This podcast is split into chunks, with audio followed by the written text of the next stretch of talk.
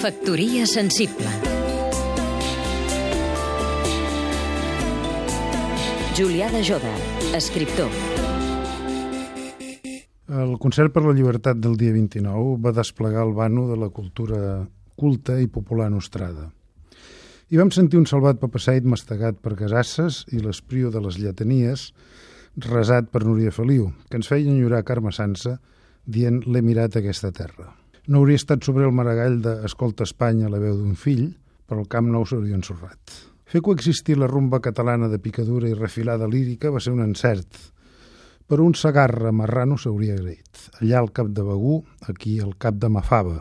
Llach sol al piano hauria emocionat més que els seus remix amb cordes i timbales, escurçant-nos de passada dues hores de murga per deixar forat al pi de la serra de si els fills de puta volessin o el serrat de cançó de Bressol per blocar la pau. Si Maite Martín va fer figa, en Poveda hi podria haver posat prestigis flamencs de Ferreter i la Guillermina demostrar-nos que la Monyos ha deixat de ser immortal a la ciutat dels turistes el Brossa Bullidor i el Pedrals Trencanous i el Martí Pol de Primera Comunió podrien haver coexistit amb el Vinyoli de domini màgic i amb la Trinca homenatjant la nova cançó amb S'ha acabat el bròquil.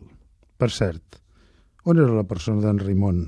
Amb ell i el millor Pau Riba, és el dia de la Rosa, Nang, Tronada Tradició, i en Quimi Portet i l'Albert Pla de Mare, Jo vull ser torero, i unes gotes del duo dinàmico de l'Alala en català, haurien posat la pica a l'estat. Però ja dic, el concert va estar molt bé. Factoria sensible Seguim-nos també a catradio.cat